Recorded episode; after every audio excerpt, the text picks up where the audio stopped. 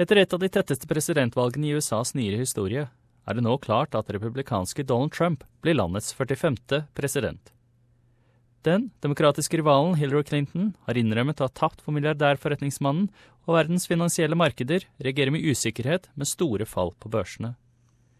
Meningsmålene hadde nylig utpekt Hillary Clinton som en uunngåelig vinner.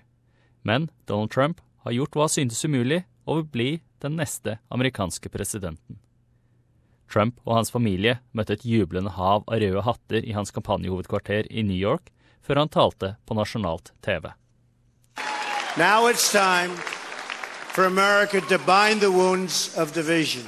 Have to get together. To all Republicans and Democrats and independents across this nation, I say it is time for us to come together as one united people. Han sier seieren er en bevegelse. Ours was not a campaign, but rather an incredible and great movement made up of millions of hardworking men and women who love their country and want a better, brighter future for themselves and for their family. Trump sier han skal holde sitt løfte om å gjøre Amerika stort igjen. We have a great economic plan. We will double our growth and have the strongest economy anywhere in the world. At the same time, we will get along with all other nations, willing to get along with us. Idet stemmene ble talt opp, reagerte markedene minutt for minutt og gjenspeilte frykt og usikkerhet rundt presidentskapet til en mann som aldri har hatt et offentlig verv. Reaksjonene ligner det etter brexit-avstemningen i juli, når Storbritannia besluttet å forlate EU.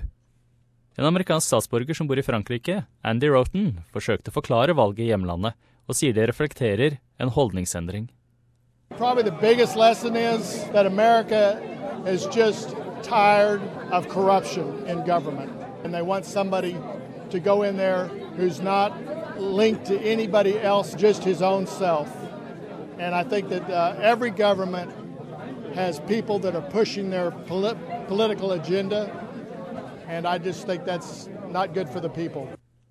Arizonas republikanske senator John McCain, som blir gjenvalgt til sin sjette periode, sier han ser frem til utfordringene etter en tøff kampanje. This has been a difficult national election and not always an uplifting one. But Americans have done their duty as citizens and chosen a new president. For too long, Washington has schemed and fought and maneuvered to gain political advantage at the cost of delivering for the American people. We've made too little, if any, progress meeting the great challenges of our time, which are many and difficult. Den tidligere republikanske presidentkandidaten Marco Rubio, som også kom tilbake til Senatet, uttrykte håp. I hope that I and my colleagues, as we return to work in Washington, D.C., can set a better example of how political discourse should exist in this country. And I know people feel betrayed, and you have a right to. Vermont-senator Bernie Sanders, som ble slått i den demokratiske nominasjonen av Clinton, sier Trump-kampanjen baserte seg på å splitte folket når det landet trenger, er samling. When you have a campaign like Mr. Trump's, where the cornerstone of his campaign is based on bigotry and trying to divide us up, I think that's very bad uh, for our country. And I think we have somebody who even questions the very fabric of our democracy and says, well, yeah, I'll accept the elections if I win, but if I lose, I may not. You know, that's, you know, that's what not, that's not what democracy is about. USAs ambassadør til Japan, Carolyn Kennedy, datteren til den tidligere demokratiske presidenten John Kennedy, sier hun ønsker en president som gjenspeiler nasjonen. The America that I know deserves a president that stands for tolerance, inclusion, diversity, respect for human rights, the rule of law, and a commitment to those who are often left out of the solutions women, children, uh, the less fortunate. Uh, the America I know deserves a president who embraces our immigrant heritage and is committed to work with our friends and allies around the world to bring hope and opportunity and to work for peace. Noen kritikere utpeker den kontroversielle beslutningen til FBI-direktør James Comey om å gjenåpne etterforskningen av saken om Clintons e-poster som det avgjørende slaget for kampanjen hennes. Vurderingen endret ikke byråets konklusjon, og ingen siktelser ble rettferdiggjort. Men minoritetsleder i Representantenes hus, Nancy Pelosi, sier avgjørelsen hjalp Trump. When uh, the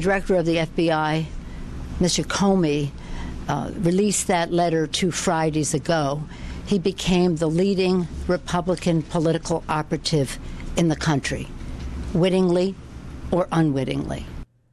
Den berømte amerikanske feministen Gloria Steinem sier at det var smertefullt at republikanerne angrep en av Clintons største styrker. The Republicans arrived at a tactic for John Kerry that now they've pursued, which is, and before that, you generally attacked a candidate for their weakness. They attacked for the strength. So the very fact that uh, I mean, in his case, it was that he was a war hero, so they tried to undermine the fact of his heroism. In Hillary's case, case every fact checking service says that she is way the most honest and the most accurate. So they went after her as Crooked Hillary and dishonest and so on, which is so painful.